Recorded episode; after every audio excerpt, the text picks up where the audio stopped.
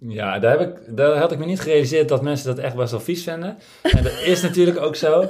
Maar ik had gewoon geen keus. Ja, ja, heb ik ook even gedacht van ja, moet ik eigenlijk wel die marathonvoorbereiding gaan beginnen? Want eh, dan is hardlopen natuurlijk niet belangrijk meer. Maar ja, uiteindelijk gaat het leven ook gewoon een soort van door. Ja, Ja, maar ik denk toch wel die Kipchoge. Ja, dus hij is wel gewoon een soort van mooi weerloper, hè? Eén groot feest. Dus ik, mag ik vragen wat de her- herstelmaaltijd was of was het gewoon drankjes? Ik heb niet heel veel gegeten, nee. En bitterballen of zo? ja, ja precies, dinner. taart. Taart en, eh, ja, taart en bier. En s'avonds hebben we nog aan een Chinees gegeten, ja. Nou, allemaal koolhydraten, is toch top. ergens tussendoor doen we wel een koffiebreak trouwens. Dan haal ik even een bakkie. Ja, dat vind ik dus echt heel oneerlijk, want dat, ik, ik kan dat nu niet. Dus ik vind Ja, dat ik- jij dat dan ook niet mag. Ik moet dat. Vorige keer was het andersom, hè? Ja, dat klopt trouwens. Ja, Ja. oké. Dus het is misschien wel eerlijk dan. Volgende keer weer samen. Nee, is goed. Is goed. Klaar voor? Ja.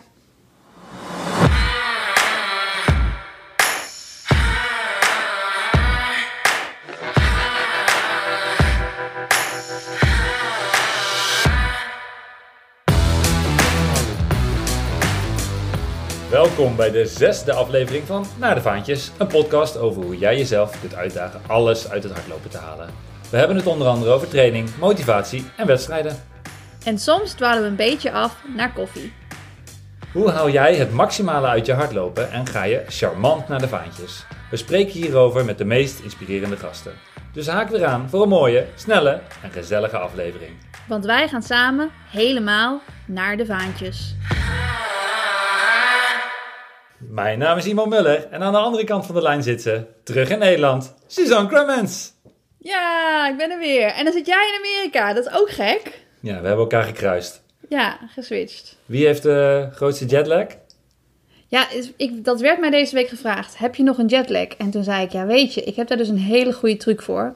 Mijn truc is dus, dat als je dan in een ander land aankomt, dus als je in Nederland aankomt, dat als het ochtend is, dat je gewoon opstaat. En als het avond is, dat je dan gewoon naar bed gaat. Ongeacht hoe je je voelt. En ik vind dat toch, eh, ik vind dat, ja, het is gewoon een stukje eh, wilskracht eigenlijk. Want dan word je ochtends wakker en denk je, ja, ik ben inderdaad heel erg moe en het voelt alsof het midden in de nacht is. Maar het is wel echt de makkelijkste manier om over je jetlag te komen. En dan geen dutjes doen. Dus eh, ja, ik heb wel een, een week geen dutjes gedaan, maar gelukkig ja. Als ik moet werken, dan is het toch wel sowieso een beetje lastig om een dutje te doen. Dus dat, dat, dat scheelt. Dus dan kom je ook niet echt in de verleiding. Maar in het weekend was dat wel even zwaar. Ja. Ah, je, ziet er, eh, je ziet er uitgeslapen uit. Uitgez- het is inmiddels ook acht uur s'avonds hier, hè? Dus ik mag wel een beetje wakker zijn. Nou, ik ga weer bijna naar bed, joh. Ja, want jij zat in Flagstaff eh, op hoogte en je bent nu weer terug in Nederland. Ja, Ehm, en en ik zit in Boston. ja. Dus, wel, ja, hij is iets minder tijdverschil, hè? Dan heb jij ja, maar eh, zes mee. uur. Zes uurtjes. Ja, zes uurtjes. Ja, maar ik dacht dus dat jij in Rotterdam was. Dus ik vind het wel gek dat je nu opeens in Boston bent. Ja, dat was ik ook. Oh. Vrij, vrij recent ook nog. Eh gisteren. Nee, gisteren liep ik de marathon in Rotterdam. Ehm daar gaan we het zo ongetwijfeld over hebben. Ook met onze gast trouwens. Want we hebben eh straks de kerstvers Nederlands kampioen op de marathon in de uitzending. Anne Luiten. Ze liep een geweldige 2 uur en 30 minuten. En sprintte mij eraf op de crossingel. Oh, Eh, nice. dus die moeten we zo even, even bellen. Ehm, ja, ik liep hem zelf dus. En daarna ben ik eh, gelijk in de trein gesprongen. en in het vliegtuig gesprongen. En er in Boston weer uitgegaan. Want vandaag is hier eh, Boston Marathon. En ik ben eh, uitgenodigd door eh, Puma. Daar ga ik straks ook nog wat over vertellen. Allemaal leuke dingen hier.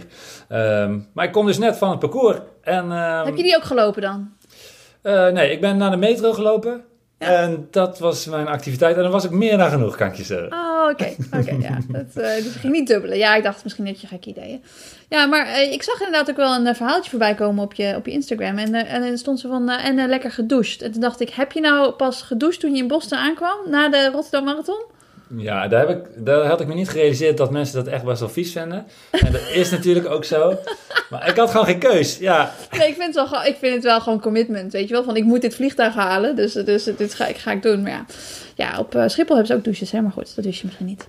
Ja, dat klopt. Maar dan moest ik ook weer allemaal moest ik ook een handdoek meenemen. En ja, dit was allemaal... Ik, had, Nee. ja, ik vond het ook wel lekker toen ik helemaal door die douane was. En bij de Ja. gate toen was ik ook gewoon wel blij dat ik kon zitten. Maar je had ook eh, extra beenruimte. En ik neem aan dat, dat je sowieso wat meer ruimte om je heen had. Door, omdat je natuurlijk daar zwetend in die stoel zat, of niet? Dat, een Ja, ik had gewoon ja. schoon een shirtje aangedaan. Dus ik denk niet dat mensen dat deel hadden. Flowers. Flowers, nice. En ik had, eh, ik had extra beenruimte, wat, wat echt noodzakelijk was. En ik, ben, ik denk om het kwartier heb ik wel een stukje nou, wandelen, strompelen. Echt, Eh, vind ik heel netjes. Ja, ik was zo bang voor kramp. Ja. Ja, dat zou Eh. vervelend zijn. Ja, en het opstaan, ook als je dan even een dutje wil doen of zo, dat je denkt, ah, toch wel lekker om te blijven zitten. Maar als je dan uiteindelijk het vliegtuig uitstapt, dan kan ik me echt niet voorstellen hoe die benen eraan toe zijn. Na zo'n marathon. dus dat heb je toch netjes gedaan. Ja. En ik had kon- wifi in een vliegtuig. Oh, Ja, dat- nee, dat heb ik gemerkt. Dat heb ik gemerkt. Ik kreeg genoeg WhatsAppjes van je. Even bijpraten. En eh, dat vroeg ik me af, want ik heb dat natuurlijk ook altijd. En dan vind ik altijd wel leuk dat je dan wel contact kunt- kunt opnemen met mensen. Maar dan kun je geen foto's openen. Hè? Dus zijn er dan ook mensen die allemaal naar de vaantjes foto's van jou hebben gestuurd of zo. En dat je die niet kon openen of niet? Ja, dat is heel frustrerend. Want je bent dan lekker aan het praten en mensen zijn dan heel enthousiast. Dan krijg je leuke foto's, leuke filmpjes.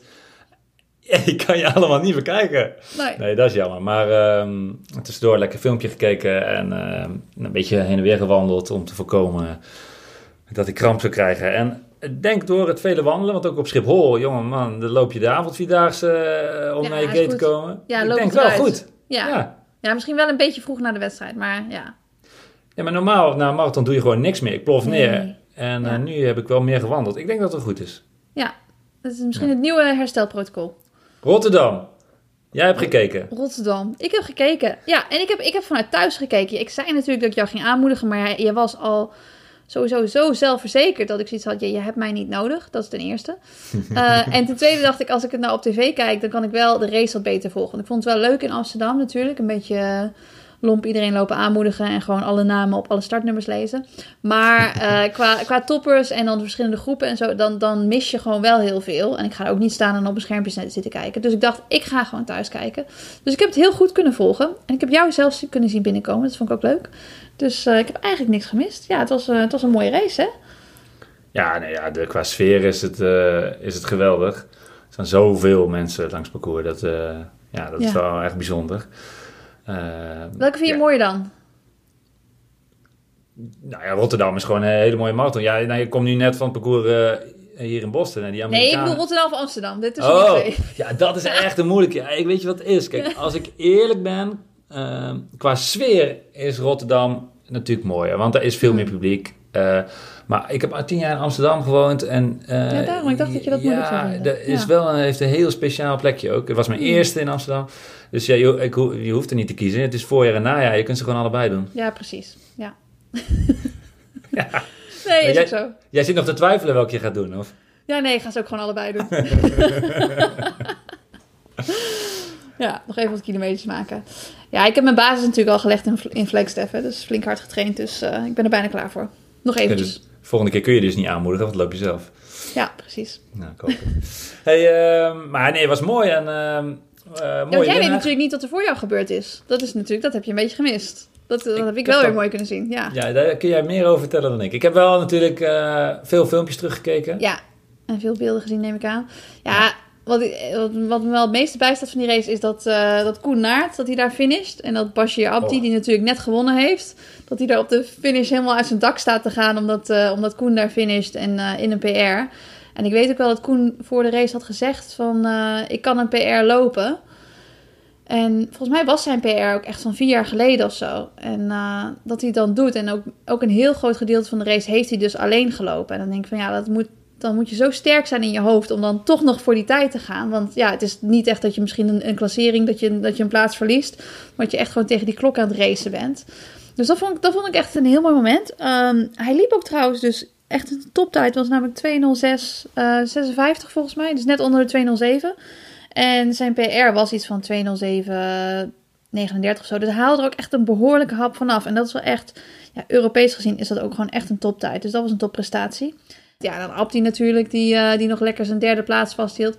En zijn interview na de race was wel grappig. Toen, toen werd hem ook gevraagd van... eh, of hij, daar, of hij daar blij mee was, zeg maar. En toen zei hij dat hij er eigenlijk heel blij mee was.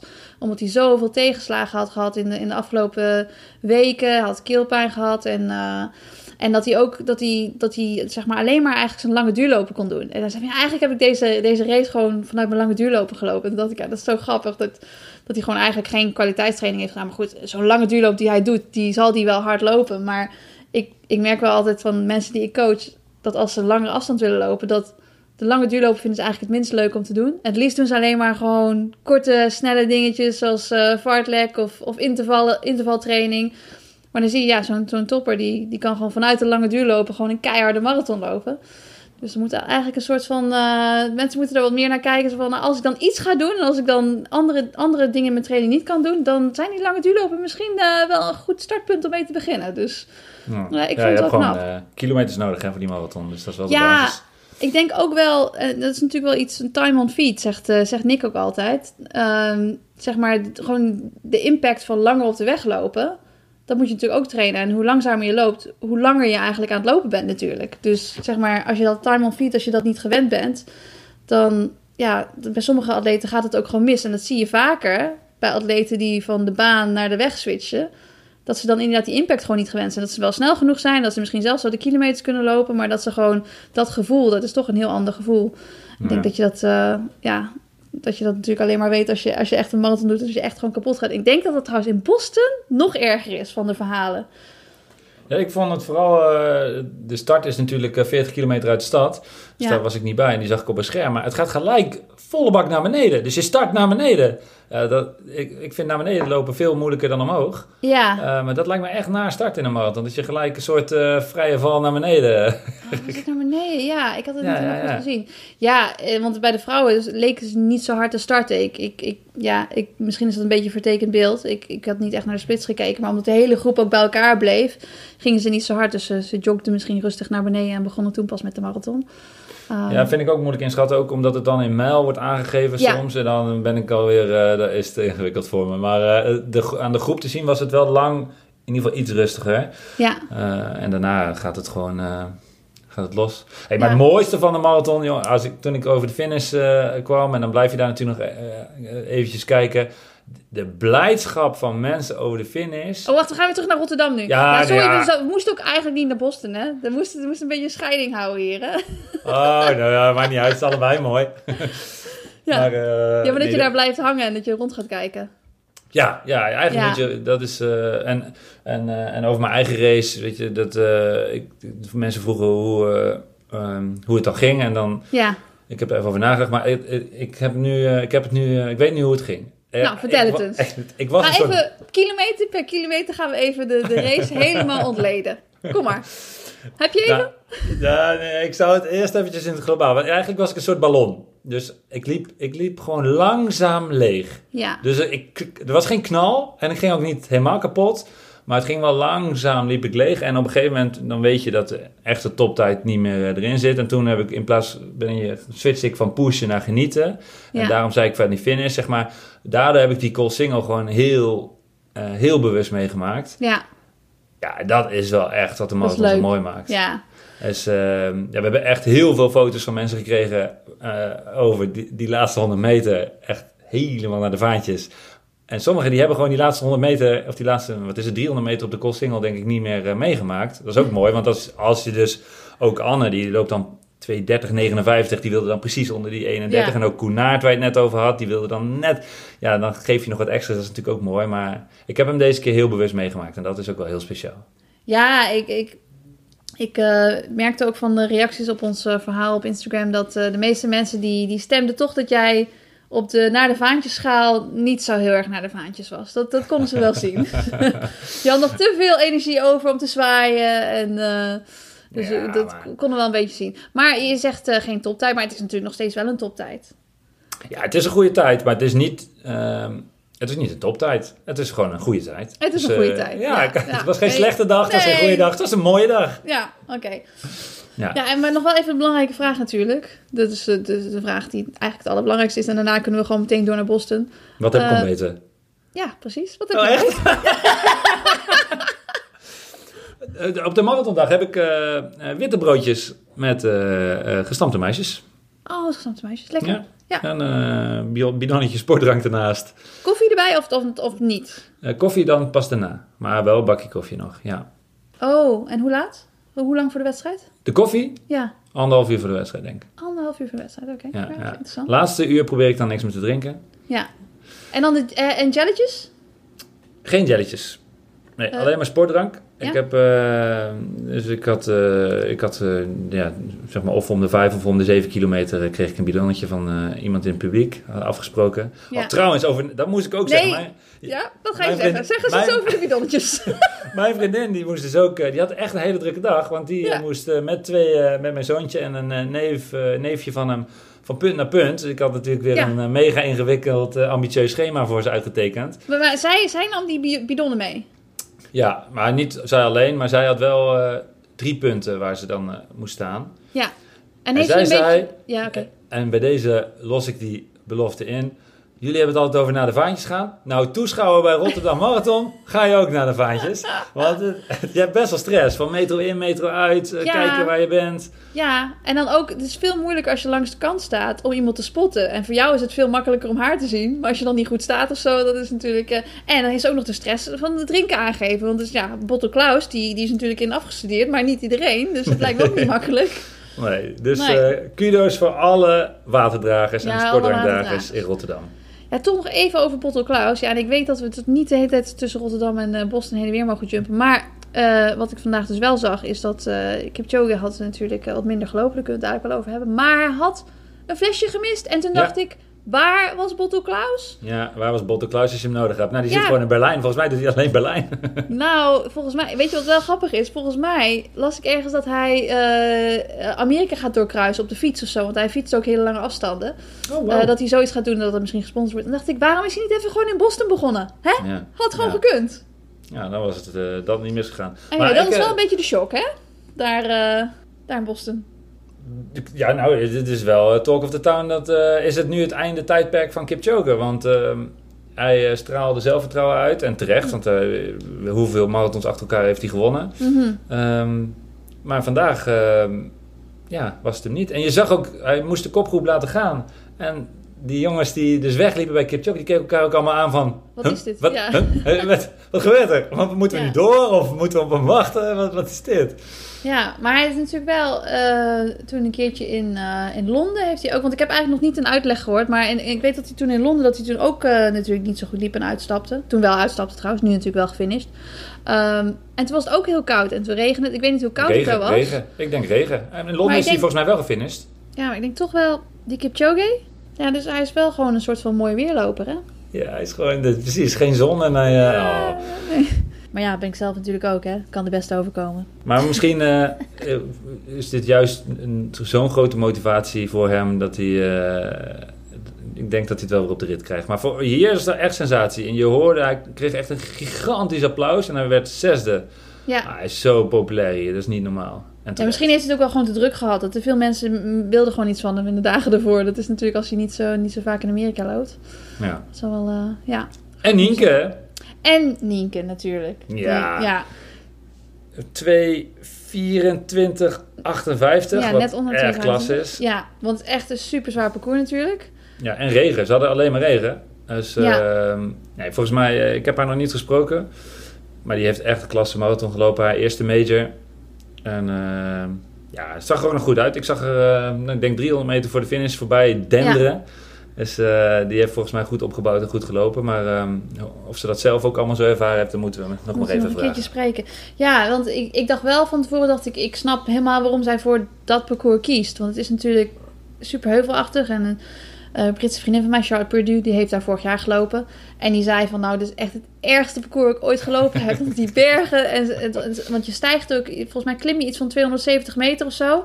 En, en netto is het wel downhill, maar het is natuurlijk helemaal geen snel parcours. Dus ik dacht van, ja, dat is wel... eh, voor een trailrunner zal het wel, zal het wel oké zijn. Maar voor iemand die echt van eh, een vlak snel parcours houdt, zoals misschien wel Kipchoge, zal dat wel heel moeilijk zijn. Dus het is echt om zo'n tijd daar te lopen, nou, dat is echt heel knap. Ja, nou, Ja. ja. Nee, dus eh, ja, mooi om te zien. Ja, Ja, hey, en, ehm, eh, en Anne, ja, Nederlands kampioen. ja. En een mooi verhaal erachter ook, hè? Ja, heel mooi verhaal. En ehm, ja, dan moeten we ze zomaar even vragen. Dat lijkt me, lijkt me een mooi, echt, echt een mooi verhaal. Dus eh dan moeten we ze even vragen. Ja. Volgens mij, Suus, zit ze klaar in de lobby. De kerstvers Nederlands kampioen op de marathon. Eh, die mij er in de laatste 300 meter genadeloos afsprinten. Anne Luiten. Anne, goedemiddag. Goeie avond bij mij. Oh ja, oh ja, ja, ik weer de mist in. Nee, het is hier middag, maar bij jullie is het al... eh, nou, nog geen bedtijd, hoewel. Eh, hoe, hoe voel jij je de dag na de race? Nou, ik voelde me vanochtend wel aardig, maar inmiddels begint de aftakeling wel een beetje in te zetten. Dus ik vrees al voor morgen. De, de aftakeling, maar dat zit dan in vermoeidheid of pijn in je benen of een algehele malaise? Ja, meer, meer je, je bent gewoon wel moe. Ik, ik maak nooit zo'n goede nachten na een wedstrijd. En zo helemaal niet na zo'n marathon. Dat zul jij misschien wel herkennen, Imo. Laat naar bed. Of tenminste, vro- redelijk op tijd naar bed gegaan. Maar dan kun je natuurlijk niet slapen. En vroeg wakker. En eh, licht geslapen. Met, met die pijn in je benen. En die moeheid. En die adrenaline. Ja, van slapen komt dan weinig. Dus vanochtend eh, merkte ik daar nog weinig van. Maar inmiddels eh, merk ik wel dat ik moe aan het worden ben, ja. Maar het was het, was het denk ik allemaal waard, want volgens mij was het de perfecte dag. Kun, kun je iets vertellen over... eh, was, die, was die perfect? Ja, ik denk het wel. Ehm, het is altijd spannend wat het weer eh, gaat doen. Hè. Mijn voorbereiding was heel erg goed. Dat wist ik ook wel. Dus daar kon ik ook wel op vertrouwen dat, dat het daar niet aan zou gaan liggen. Ehm, en dan ga je in die laatste dagen kijken van wat gaat het weer doen? Wat gaat het weer doen? Nou, het weer eh, zag er ook goed uit. Ehm, nou, ik had een tempomaker in de race. Die deed het ook echt perfect. Dus ja, voor mij viel wel alles op zijn plaats. Ja. Want, want wat, eh, wat was je doel vooraf? Ik bedoel, het is een Nederlands kampioenschap. Eh, je hebt ook natuurlijk een tijd in je hoofd. Had je een, soort, had je een doel en, een, en echt een raceplan? Of heb je ook wel wat aan het, aan het gevoel van de dag overgelaten? Ja, een beetje allebei. Maar ik had wel een raceplan hoor. Ik, ehm, ja, we waren de voorbereiding een beetje ingegaan met, nou ja, 2.32 zou wel mooi zijn. En toen werd het eigenlijk bevestigd na die halve marathon die ik bij de CPC had gedaan. Want wat liep je Ehm, daar? want ja, ik liep daar 1.12.11 geloof ik. En vorig jaar liep ik 1.14 in de voorbereiding. Dus nou ja, makkelijk gerekend hè. Twee minuten harder op de halve is vier minuten harder op de hele. En ook die, eh, ja, je hebt wel van die calculators zeg maar, waar je zo'n tijd in kan zetten. En dan, die kwamen ook wel ongeveer op 2.32, 2.31 hoog uit. Dus toen werd dat wel bevestigd van nee, die 2.32.00 zeg maar, daar, daar gaan we wel echt op weg. Dus daar zijn we gewoon strak op weg gegaan.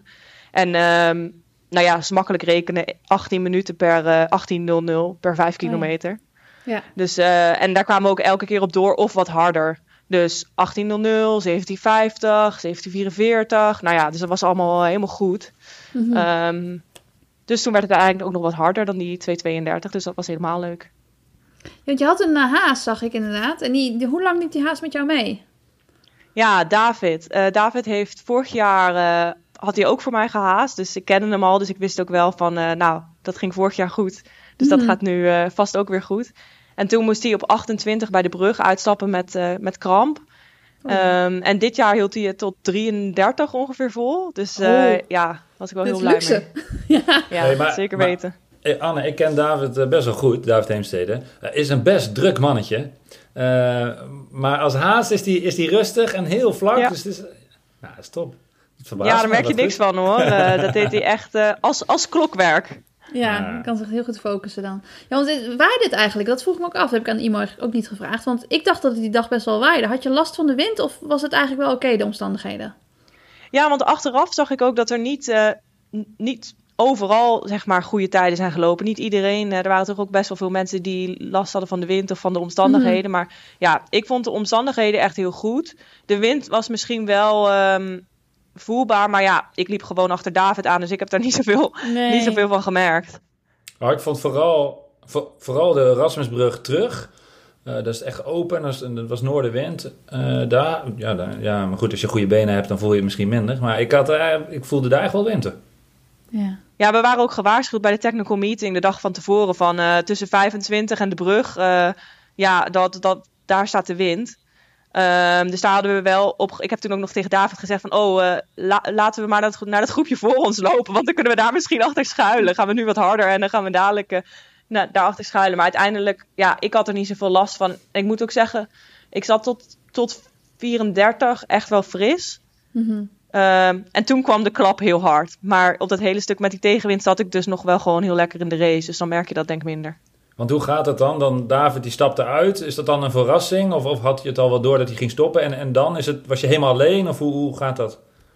Nou, ik, inderdaad vanaf 28 dacht ik van... eh, ja, hier, tot hier was hij vorig jaar. Het zou wel heel fijn zijn als hij erin blijft. En van tevoren ehm, waren we eigenlijk met een wat groter groepje wat, wat er, erin zou blijven. Ook nog, nog twee andere Arnhemmers, uh, Dick van der Broek en Ivo Meeks, die zouden ook met ons groepje meegaan, maar die waren er al af. Dus um, ja, dus we waren echt nog maar met z'n natuurlijk. nee, nee, ik kon hem wel echt. Ja, het was echt heel fijn dat hij zo lang, uh, zo lang erin bleef. En ik denk ook wel. Het ging wel redelijk snel nadat hij eruit stapte, zeg maar, ging het downhill. Dus mm ik merk wel dat ik, als je gewoon lekker ontspannen, alleen maar iemand hoeft te volgen, verder nergens aan hoeft te denken, geen tussentijd hoeft te, te checken. Um, ja, dan kun je gewoon volledig in die ontspanning blijven. En mhm. als je het daarna zeg maar zelf moet gaan doen, dan uh, ja, wordt het wel een stuk zwaarder. maar hij zei op een gegeven moment. Ja, ja hij, hij merkte volgens mij, want ik ging, we gingen ook versnellen uh, vanaf, vanaf de brug, net als vorig jaar. En hij merkte volgens mij dat ik een beetje zeg maar op hem zat. Dat, dat hij het niet meer, dat hij het tempo niet meer zo hoog kon houden als ik eigenlijk wilde. Dus mhm. toen zei hij van, nou, ik stap eruit, heel veel succes. En toen ja, was hij weg. Ja. En toen uh, zag je een uh, fel oranje shirtje in de verte en toen dacht je, nou, die ga ik eens even oprollen. Ja, dat was wel echt vreselijk komisch. Want ik, uh, nou ja, redelijk snel na die, na, nadat mijn haast er dus uitstapte, kreeg ik het zwaar. En dan wil je gewoon alleen maar zo snel mogelijk naar de finish, zodat je kan stoppen met lopen. um, en toen, op, we waren de 40 geloof ik al voorbij. Toen kwam ik jou tegen op, op 40 en een beetje. Maar ik zag je echt pas. Ik had pas door dat jij het was toen ik echt naast je liep. Toen dacht ik, oh, hè, die ken ik. Zijn je nog tegen hem? Ben je naar de vaantjes? nou, ik vond het vooral grappig, want jij. Uh, ik haalde je in en toen herkende jij mij ook. En toen wisselden we, geloof, geloof ik, even een woord in ons. terwijl we allebei in onze pain cave zaten. En, uh, en toen ben je, heb je nog 100 meter of zo even een tempo. Uh, opgepakt. En toen liep je met me mee. En toen, toen ging ik je toch voorbij. Maar ik begreep dat jij mij toen nog lang in het vizier hebt gehouden. Maar uh, op het laatste kon je, me toch, kon je me toch niet meer inhalen. Ja, ja, klopt. Ja, je kwam naast me en toen was het... Ik merkte gewoon een snelheidsverschil. Ik denk, ja, jij, jij loopt hier echt een toprace. Jij loopt gewoon harder nu. Ik pik hem even op en misschien... Uh, Kun je nog helpen? Een wonderbaarlijke ja. genezing. maar dat was niet. Dus ik, ik, ja, ik liet jou lopen. Um, maar het was wel, ik werd wel een soort op gang geslingerd. Dus je had toen gelijk wel uh, wat meter. En toen kwam ik gewoon heel langzaam weer, uh, weer dichterbij. En toen net voor die laatste bocht uh, zat ik weer bij jou. Ja, dat zul je oh. niet gemerkt hebben. En toen nee. draaide de bocht om. En toen ja, ik weet niet wat er met jou gebeurde. En, maar jij, jij, jij, je versnelde weer. En, oh. Ja, dus toen kon ik, moest ik je weer laten gaan. Maar, en toen hoorde ik de speaker ook, want die zag je natuurlijk aankomen. En dat vond ik wel erg. Ik had echt helemaal kippenvel, Anne. Het was, dat, was, dat was zo mooi. ja, je moet het misschien zelf vertellen, maar dat het verhaal van dat je, dat je voor je vader loopt en dat hij ja, hij heeft zelfs alles met je meegefietst. En, en dat je dan zo'n topmarathon loopt. Ja, dat was, dat was erg fantastisch om, om te horen. Ja, het was een beetje, het is een beetje een sprookje voor ons. Hè? Want je, je, ja, wij hebben eigenlijk net voordat ik die marathonvoorbereiding begon met de kerst... hebben we te horen gekregen dat het dus niet uh, goed met mijn vader gaat, gaat. Hij had last van zijn buik. En toen, nou ja, geloof ik op derde kerstdag of zo... zaten we in het ziekenhuis en bleek dat het niet goed was. Ehm dus toen ja, heb ik ook even gedacht van ja, moet ik eigenlijk wel die marathonvoorbereiding gaan beginnen? Want mm dan is hardlopen natuurlijk niet belangrijk meer. Maar ja, uiteindelijk gaat het leven ook gewoon een soort van door. Ja, hij, hij moet die chemo's uh, nu ondergaan. Uh, elke twee weken eentje.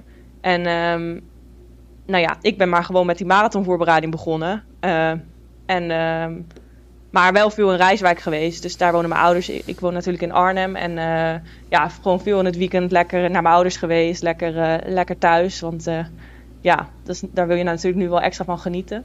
Ja. Um, ja, en mijn vader heeft mij altijd wel heel, heel erg gesteund met het hardlopen. Hè. Ja, hij is zelf ook heel fanatiek. vroeger ook ja, op top, topsport bedreven. Dus hij, niet... met me hij, heeft, hij, hij was roeier, toch? Ja, ja. ja, in Rotterdam ook. Dus Rotterdam heeft wat dat betreft is ook wel een speciale plek voor ons. Um, dus ja, hij heeft echt op topniveau geroeid. En uh, ging ook met mij mee naar de regiotrainingen in Rotterdam. Hè. Daar begon het allemaal toen ik de, de brief van de Atletiek Unie kreeg. Dat ik net snel oh, genoeg had gelopen op de 1000 meter om, uh, om naar de, regio, de befaamde regiotrainingen te mogen. Dus daar gingen we elke, elke zaterdag naar, naar Parker in Rotterdam om regiotrainingen te volgen met z'n tweetjes. En, eh, maar goed, ja, hij heeft dus alvleesklierkanker. Maar het kan nog, ja, dat is zeg maar een hele, hele, hele eh, slechte prognose. Maar het kan nog alle kanten op. Dus ehm, de eerste chemo's die werken. Dus het is, eh, ja, de tumor is wel kleiner aan het worden. Dus nou hopen we dat hij geopereerd kan worden. Ehm, maar ook als mensen geopereerd worden, zeg maar, die alvleesklier die zit gewoon op een vervelende plek. Dus, nou ja, veel mensen krijgen dan in de jaren, als die operatie al succesvol is, krijgen ze in de jaren daarna, komt het alsnog terug. Er zijn er niet, niet heel veel die, waarbij het helemaal weggaat en die gewoon weer vrolijk nog, eh, nog 20 jaar doorleven, zeg maar. En mijn vader is 59, dus op zich zou het wel leuk zijn als hij nog een jaar of 20 kan doorleven. Maar dat eh, ja, is nu nog allemaal een beetje ongewis. Maar Ja. eh, nou ja, dus extra leuk dat hij gewoon eh, erbij kon zijn. Dat helemaal kon meemaken. Hij is nu ook nog eh, gewoon hartstikke ja, fit. Hij kon gewoon op de fiets mee. Dus eh, ja, dat is Ja. natuurlijk extra speciaal. Heeft hij dan ook, want in de voorbereiding heeft hij dan ook steeds meegefietst toen jij in het weekend dan thuis was? Ging je dan mee met je lange duur lopen? Nou, ehm, zo, zo fit is hij dan helaas ook weer niet. Hè? Ja. We liepen altijd, hij heeft een paar jaar geleden zelf de marathon in, in Rotterdam in 3,5 uur gelopen. 3 uur 32 geloof ik. Mhm, Dus eh, hij kan zelf ook wel lopen. Dus we- lopen geregeld, liepen geregeld samen. Maar Ja. met die chemo's, ja, dat slaat er wel in. Dus hij heeft steeds een goede week en een slechte week. Eh, Ja. Want één keer in de twee weken heeft hij een chemo. Eh, eigenlijk zou die afgelopen dinsdag weer aan de volgende chemo, rond, aan chemo ronde 5 moeten. Of Mhm. 6 geloof ik. En, eh, maar dat mocht, eh, dat was geen probleem, zeiden de dokters. Had, had geen negatieve gevolgen als dat een weekje uitgesteld zou worden. Dus daarom was hij dit weekend zeg maar goed. Ehm, Ja. Ja. maar ja, morgen moet hij, eh, krijgt hij dat, eh, ja, krijgt hij het allemaal weer ingespoten. Dus komend weekend zal hij wel weer niet eh, heel fit zijn. Dus de rest van mijn familieleden wel hoor. Dus de- mijn broertje heeft een keer meegefietst. En mijn moeder heeft een keer meegefietst. En mijn vriend heeft een paar keer meegefietst. Dus dat was fijn. ja. Maar mooi dat jullie die dag konden delen samen. Ja, Ja. heel mooi. En, en, en, eh, en het vieren, hoe, eh, hoe gaat dat dan in de familie Luiten? Is dat dan eh, met z'n allen in Rijswijk s'avonds ook, of wat hebben jullie gedaan? Ja, nou, het was wel grappig. Mijn, eh, de vriend van mijn zusje, die liep ook. Die liep zijn debuut. En ehm, die was 30 geworden gisteren. En liep Oh. ook een hele mooie 3 uur 17. Ja, we zijn allemaal nogal sportief. Dus, eh, en die had een café afgehuurd. Dus we hebben daar in dat café Oh. uitgebreid zijn verjaardag gefeest, eh, gevierd, gefeest. En eh, ik heb vrienden uitgenodigd. Dus dat was, eh, dat was leuk. Eén groot feest. Dus ik, mag ik vragen wat de her- herstelmaaltijd was of was het gewoon drankjes? Ik heb niet heel veel gegeten, nee. En bitterballen of zo? Ja, ja precies. Taart. Taart en, ja, taart en bier. En s'avonds hebben we nog aan een Chinees gegeten. Ja, Nou, allemaal koolhydraten, is toch top? Precies. Ja, Ja. ja. Ja, Het was wel eten en heel Ja. veel drank. Ja, Imo zit nog steeds aan de M&M's nu, dus die is Ja. nog steeds aan het inhalen, toch? Ja, ik heb ook gisteren een extra maaltijd gehad, omdat die dag zo gruwelijk lang was. Gewoon een keer Ja, extra ik, gegeten. ik heb jou eigenlijk helemaal niet gevraagd wat je herstelmaaltijd was, trouwens. Ja, dat was gewoon eh, vliegtuigvoedsel. Oeh.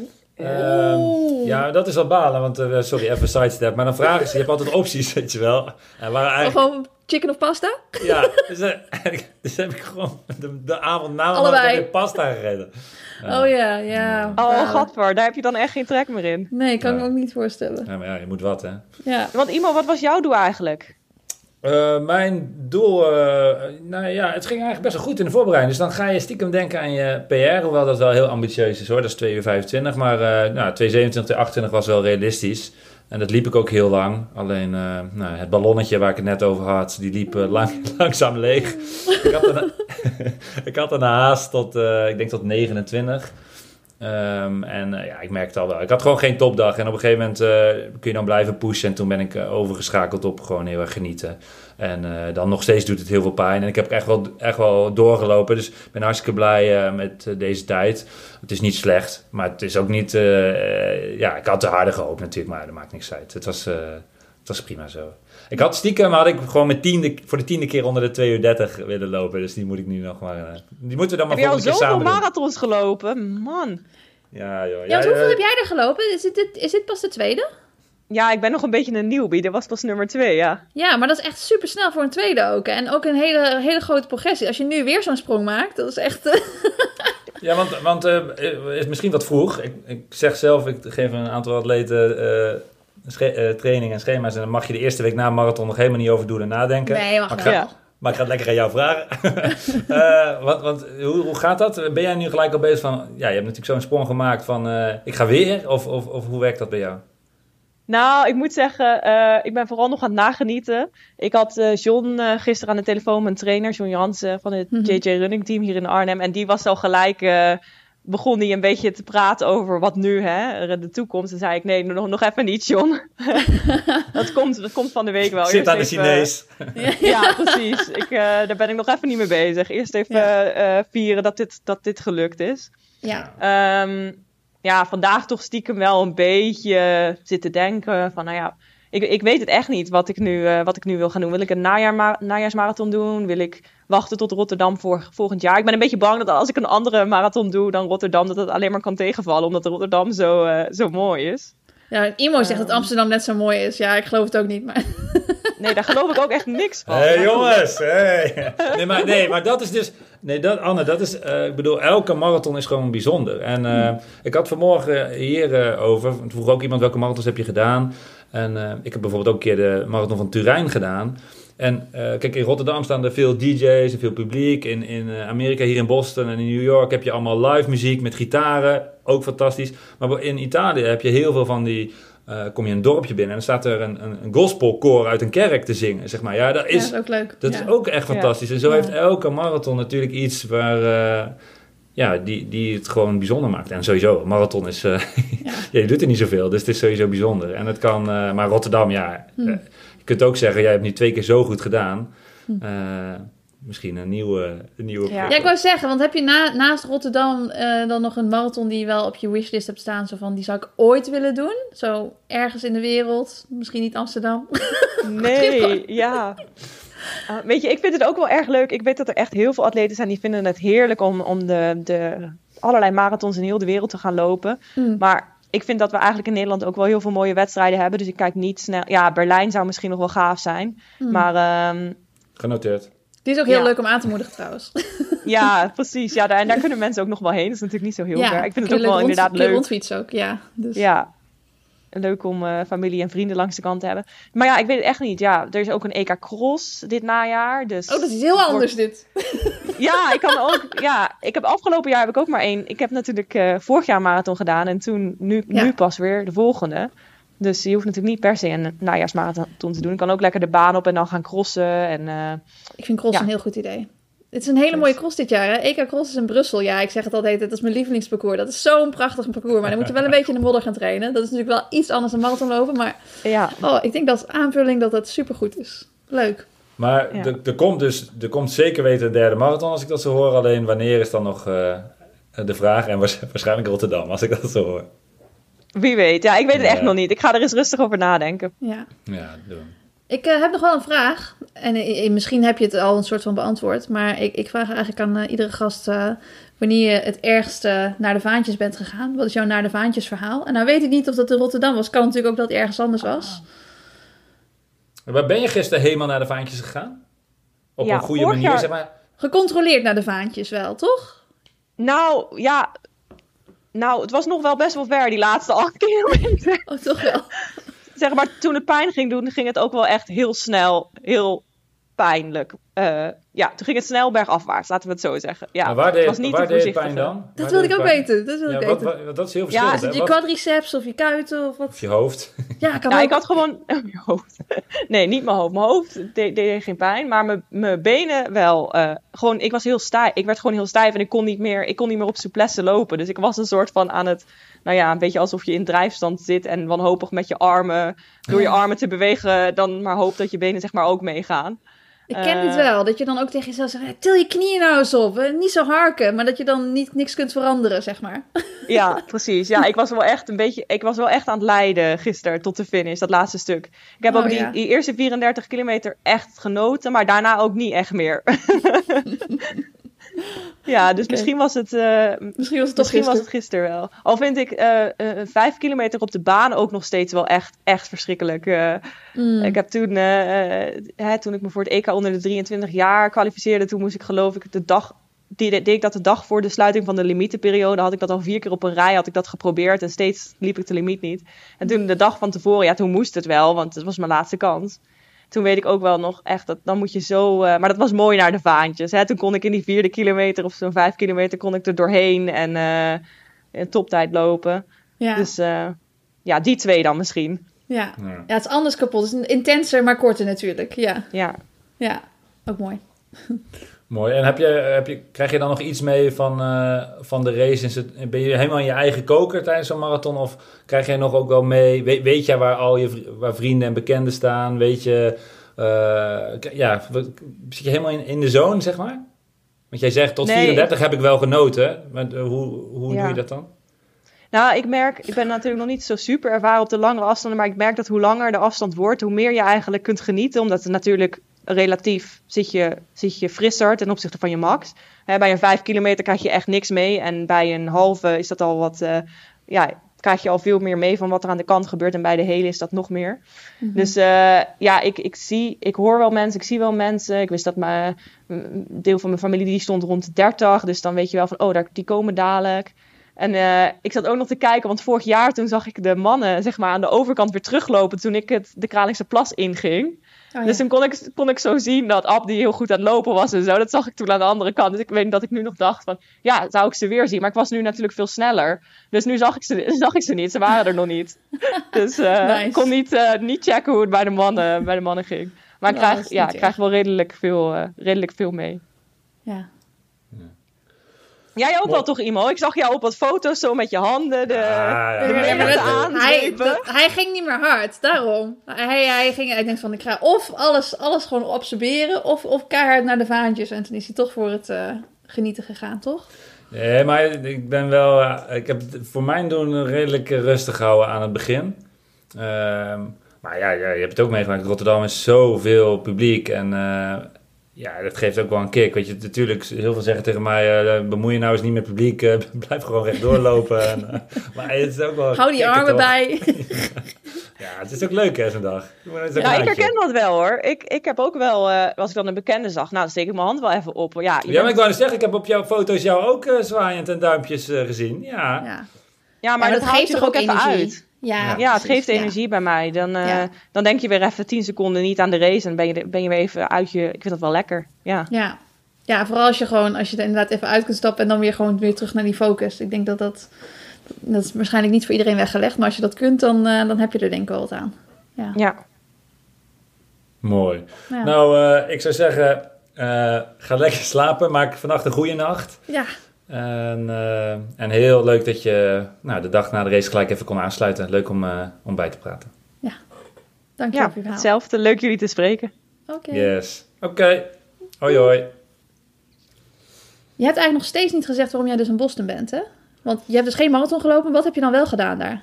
Nou ja, ik ben hier natuurlijk ook om eh, de marathon te kijken en aan te moedigen. oh, jij bent professionele aanmoediger. Ik zie Ja, het. maar ik blijf nog wel even in Boston, ja. Dus Oh, ja. ehm, tot eh, donderdag nog. En ehm, eh, nee, uitgenodigd door, door Puma. Eh, Oh, ja. Hoofdkantoor zit hier. En ehm, een goed excuus om de marathon ook te kijken. En ehm, nee, dat is wel leuk. Die, laten, die hebben heel veel nieuwe schoenen ontwikkeld. Mhm. En ehm, eh, die krijg ik allemaal te zien van de week. Dus eh, ik zeg zelf altijd, ik ken Puma vooral van, eh, van Usain Bolt. Dat is de snelste spikes ter wereld. Ja. Maar dat is eigenlijk niet waar. Ze hebben nu, ik denk een jaar of twee geleden, anderhalf jaar geleden, heel veel nieuwe schoenen eh, ontwikkeld. Allemaal met die nieuwe eh Nitro Zool van hun. Heel licht en stabiel. Is het ook met carbon of niet? Ja, ze hebben ook ja zeker. Dus Oh. eh, eh, die heb ik al getest. Oh ja. Ja. Nee, dus ze hebben een paar modellen met, met een carbonplaat erin. Mhm. In combinatie met die zool is het gewoon echt een hele snelle schoen geworden. Ehm, en ze hebben een aantal schoenen die, ja, die gebruik ik gewoon voor, voor duurlopies en loslopen. En ehm, ja, nou, heel veel moet ik Koffie. Even koffie drinken. koffie drinken. Een beetje winkelen. Een beetje rondwandelen hier in Boston. Nee, dat is wel echt wel leuk hoor. Het is wel gaaf om, eh, om te zien hoe, eh, hoe zo'n merk eh, bezig is met innovatie. En ja, wat de gedachtegang is, voor hoe ze schoenen ontwikkelen. Ja. En, en ja, de aankomende dagen ga ik dus zien wat er allemaal aankomt. Is een soort van sneak peek. En wanneer, wanneer zijn ze dan voor het publiek beschikbaar? Of is dat nog niet bekend?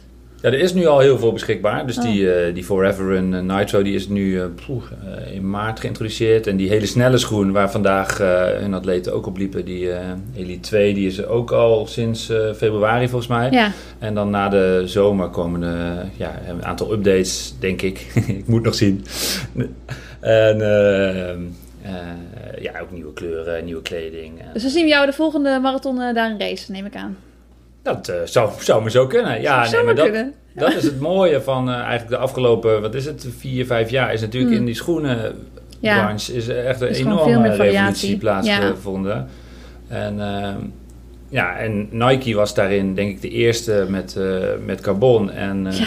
en nu zie je gewoon een aantal merken die, die dat, die dat nou, net zo goed of misschien wel beter beheersen inmiddels. Dus eh, ja, dat is gewoon gaaf. En ik vind het gewoon heel mooi om die verschillen te zien. En, en Hmm. elk merk heeft zijn Ja. eigen ja, dingen waar ze heel goed in zijn. Ik denk dat het heel persoonlijk is waar je, waar je zelf het lekkerst op loopt. Heel vaak krijg ik die Hmm. vraag, want ik test natuurlijk Ja. best wel veel schoenen. Van, eh, Wat welke, op welke moet ik de marathon lopen? Nee, ja, inderdaad. En je moet gewoon test het proberen. gewoon. Ja. Nee, maar het is wel leuk inderdaad ook om te zien dat zeg maar niet, niet per se atleten die op één merk lopen winnen alle grote wedstrijden. Want nu in Boston ook, hè. De Helen O'Beary die won ook op een, eh, wat was zo'n schoen? Dat was een ander merk. Nou goed. In Ja. ieder geval, het is niet meer, niet meer alleen maar eh, één, één merk. Dus dat is wel, ik vind het wel leuk om die variatie te zien. Ja, ja, en die, weet ik het, sommige zijn gewoon heel goed eh, in eh, hard en, eh, en alleen maar rechtdoor. ja, zonder bochten. Ja, nou ja, een, een, ja, bijvoorbeeld die van Puma die ik getest heb, die is gewoon iets stabieler in de bocht. eh, maar misschien vinden sommigen die juist weer wat, st- wat stugger, zeg maar. Ja, het is gewoon Ja. testen. Ja. En dan kom je erachter welke... ik denk voor iedereen heeft het wel een voordeel. Ehm, en afhankelijk van je loopstijl eh, be- wordt bepaald hoeveel voordeel je hebt. Ja. Ik bedoel, eh, Maar ga jij straks een, krijg jij straks een koffer eh, vol schoenen mee, neem mee naar huis, neem ik aan, of niet? Of, ik heb wel plek in mijn Ja, koffer. je hebt het wel gemaakt. ja. Eventueel, als er, als er nog een, een prototype kan missen, dan Ja, maar dan wil jij dat hem- wel testen. Mag ik hem nog niet laten zien, denk ik. Hè? Want als Nee, niet op de moet je afvlakken. Ja, Nee. dan moet toch weer denken, ja, dat is toch wel weer... Ik moest toch wel weer even denken aan Koenaert. Want ik dacht van Koenaert... natuurlijk aan het begin van de aflevering al even over... dat hij, eh, dat hij natuurlijk vier jaar geleden al hard liep. Maar dat hij, liep in Berlijn, won hij natuurlijk het EK. En volgens mij had hij toen het bovenwerk van zijn eigen sponsor... eh, bovenop de zool van de Vaporfly geknutseld of zoiets. Ja, En toen dacht ik wel, van wat jij nu net zei ook, van nu zijn er zoveel merken die, die innovatie, dit is gewoon, dat, nou ja, het slaat gewoon helemaal hol in die schoenenindustrie. Maar ja, een aantal jaar geleden was er ook gewoon geen keuze. Ik vind het ook wel mooi dat er zoveel keuze is. Dat er dus Ja, voor ieder wat wils is. Dus, en dat is natuurlijk hartstikke goed voor, eh, voor de sport. het is wel leuk, want die gozer hier in Amerika, die, die heet Todd Volker. Dat is de, de, de, de, de schoenengoeroe eh, bij Puma. Eh, Ja. als je met dat soort gasten praat, zeg maar. Als je ze de vraag stelt, oké, eh, Todd, hoe ziet jullie schoenen over tien jaar uit? ja. En, en dan weten ze, maar dan zie je die tinkeling in de ogen. Ja, wat we dan allemaal kunnen. Dat is, weet je, die gasten zijn natuurlijk elke dag bezig met ja, een nog betere schoen maken. En dat doen ze voor de allersnelste. Ehm, maar ook voor, voor, ja, eigenlijk voor iedereen proberen ze nu een schoen te maken die, die lichter is, die stabieler is, maar ook eh, weer een tikje sneller is. En, eh, eh, en wat langer mee kan. Weet je, het is wel, ja, die gasten die denken gewoon aan niks anders. En dat is wel heel mooi om dat soort ja, figuren die passie te zien, ja. mooi. Ja, Passion for shoes. Ja, Yes. wie niet hè? Welke loper niet ook hè? Dat is toch iedereen wel. Ja, het is wel zo. Zeg maar, wij, zijn natuurlijk gekke, gekke lopers. En Mhm. ik, ben, eh, ja, ik vind het echt leuk om eh, nieuwe schoenen te testen en te zien. Ja, Maar als je het vergelijkt bijvoorbeeld met, eh, dan kom ik weer met wielrennen. Als je ziet hoe, die, die slapen zeg maar echt met hun racefiets in bed. Hm. Ja, mijn schoenen staan gewoon in de gang, zeg maar. Ja, maar die Dus, stinken ook. Fiets stinkt natuurlijk niet. eh, ja, maar zit een Oh ketting nee, jij in, stinkt eh. niet. Jouw zweet stinkt niet. Ik ben het helemaal vergeten. Ja, nou ja, wel Nee. mooi, wel mooi. Hey, en jij, eh, blijf je nu even in Nederland? Of wat, eh, wat? Ja, nou, ik ben dus even in Nederland. En ik heb uiteraard dus geen jetlag, hè, want dat doe ik niet aan. Eh, nee, ehm, ja, er komt binnenkort wel weer een volgende trainingsstage aan. En die gaat naar Fontremeu.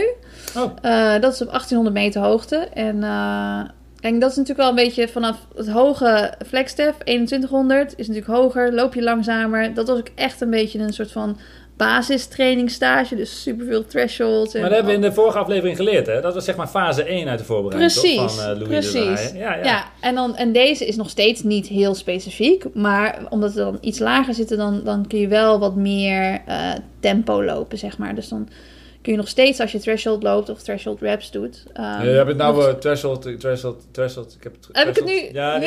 Ja, ja. voor de volgende afleveringen. Dubbel threshold. Ehm, maar dan kun je wel iets sneller tempo lopen met hetzelfde lactaat, zeg maar. Dus dat is ook goed, want kijk, anders op een gegeven moment... dan is je, zijn je hart en je longen, die zijn wel gewoon super door de hoogte. Maar je spieren en je hele bewegingsstelsel moet wel het een beetje bijbenen, zeg maar. Dat je niet dat je, dat je hart en je longen zeg maar niet sneller kunnen dan, dan dat je benen bij kunnen houden. Dus dat moet je ook blijven trainen en daarom doe je ook snelheid. Dus, Oh, trouwens, ik moet eraan denken. De vorige aflevering met Louis de la Haye heb ik veel Ja. reacties op gehad. Ja, misschien ik ook. Ja, Eh, en ook omdat het een hele leuke aflevering was. Maar ik kreeg ook wel te horen... oh nee. Ja, Imo, Imo, lekker dan. Ehm, ehm, ik moet meer fietsen. Maar 20 uur. Ik heb ook, een- ik heb ook een leven. en dat is natuurlijk wel waar, hè. Ja. Ehm, ja, maar dat was ook uiteindelijk natuurlijk de, de, de vraag die, natuurlijk, die ik natuurlijk stelde ergens, geloof ik, was iets over van als je, dan, als je dan maar 10 uur zou hebben, wat je dan moet doen. En dan zegt hij toch, ja, als je kunt lopen, dan zou ik gewoon lekker 10 uur gaan lopen. Ga lekker 120 kilometer. Dat is nog steeds het meest specifiek natuurlijk. ja, maar zelfs 10 uur is al veel, hè. 10 uur rennen. Ja, die Ja. snap ik. Ja, ik snap het. Ja, ik weet niet. Ik weet Nee, niet hoe jouw ja, ik- agenda eruit ziet. Maar 10 uur vind ik al... Nou ja, ligt eraan. Als je, als je niet zo lang hoeft te activeren en niet al je stretchen en rollen en dit en eh, Nee, speeltjes maar dan loop je gebruiken. elke dag al ja, veel meer dan een uur, zeg maar. Dus eh, Ja, de boodschap is volgens mij vooral... eh, nou, gewoon ook- veel trainen. Ja, als je kan, weet je, is fietsen gewoon best wel goed, ook qua belasting. En, Ja. Dus eh, excuus alle luisteraars die gedemotiveerd werden van die 20 uur. ja je kunt ook kortere afstanden gaan lopen, hè? Je kunt ook gewoon bijvoorbeeld, nou ja, ik wil zeggen, voor 10 kilometer moet je natuurlijk nog steeds wel kilometers maken, maar wel minder dan voor een marathon. En voor een 5 kilometer natuurlijk nog minder. Dus ja, dan kun je, kun je het programma waarschijnlijk iets compacter maken. Of je gaat gewoon 800 doen. Hè, kan ook. En dan doe je gewoon alleen maar gewoon lekker snelheidstrainingen. Nee. ja. Mooi. Nou, ik blijf hier nog eh, een paar dagen dus. Ik ga ook nog naar een NBA-wedstrijd trouwens, dus dat is ook gaaf. Superleuk, superleuk. Nou, Ja, ik ben eh, de, de, die Amerikanen die rekken die sportwedstrijden wel altijd heel erg uit, maar het sfeertje is wel echt, eh, echt Ja. uniek. Dus, inderdaad. nou, mooi. nou, veel plezier. komt goed. Hey, en ehm, spreek ik jou snel? Ja. Tot, eh, ik weet niet waar we zitten in de wereld, hè? Oh my god. ik weet, weet gewoon soms niet waar ik wakker word. Vol- volgende keer gewoon Utrecht en Hilversum, denk ik. Ja, inderdaad. Denk het ook. Ehm, nou, de, wees lief voor de beentjes ook nog. Ehm, ga je daar nog een beetje rennen of je gaat gewoon alleen maar gewoon toeristen uithangen? Nee, ja, nee, ik ga heel veel van die spullen ook eh, testen. Dus eh, morgenochtend Oh eh, een rondje. En die, eigenlijk elke ochtend wel, ja, maar wat kortere stukjes, denk ik, wordt het voor mij. Ja. Maar dat is wel, ja, de producten moet je, moet je voelen. Oké, dat is goed. Moet je niet alleen naar kijken, hè. Nee, dat klopt. Nou, succes ermee.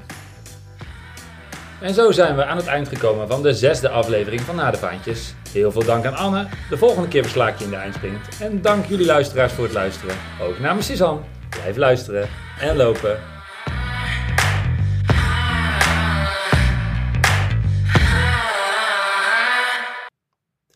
Oh ja, heb je nou een prachtige Na de Vaantjes foto van jezelf? Post hem dan met de hashtag Naar de Vaantjes. Ja, of als je nou op social media een foto voorbij ziet komen van iemand waarvan je denkt, nou, die is echt enorm naar de vaantjes gegaan. Zet de hashtag er dan onder. Of je mag ons ook altijd taggen, naar de vaantjes podcast. Dan kunnen we allemaal lekker meegenieten.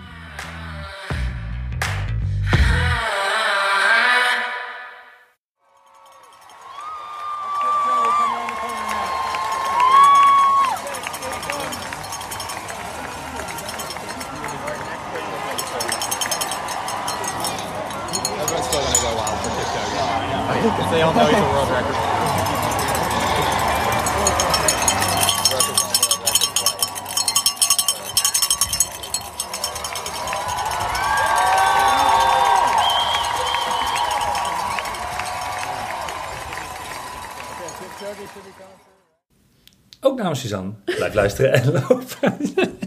Hoi. Hoi. Nee, deze, was, deze doe ik even overnieuw. Ik, vind zie hem hier wel nog leuk. da- Ik, ik staat hier. En zo zijn we aan het eind gekomen van de zesde aflevering van Na de Vaantjes. Heel veel dank aan Anne en ook aan alle luisteraars weer voor het luisteren. Blijf lopen. En dus, dit klopt weer niet. Doe nog gewoon weer overnieuw. Want ik heb geen koffie meer gehad. En dan krijg je dit. Ja. Ja, nee, oh, dat is waar. is Je hebt ook geen break gehad. Ja, maar het is ook wel een beetje een korte aflevering. Dus ja, dan kun je niet ook nog een break doen. Hè? Vind je een kort? Hoe lang? Nee, is volgens mij goed. Oh, denk je oké? Drie kwartier of zo? Eh, Dit hoor ik heel erg, hè? Jij tiet wel eens als er gewoon een gesprek is, hè? Dit nee, dat heb ik hoor niet, je. doe ik niet meer. Doe ik niet meer. Nee, dat weet ik. Dat kan echt niet.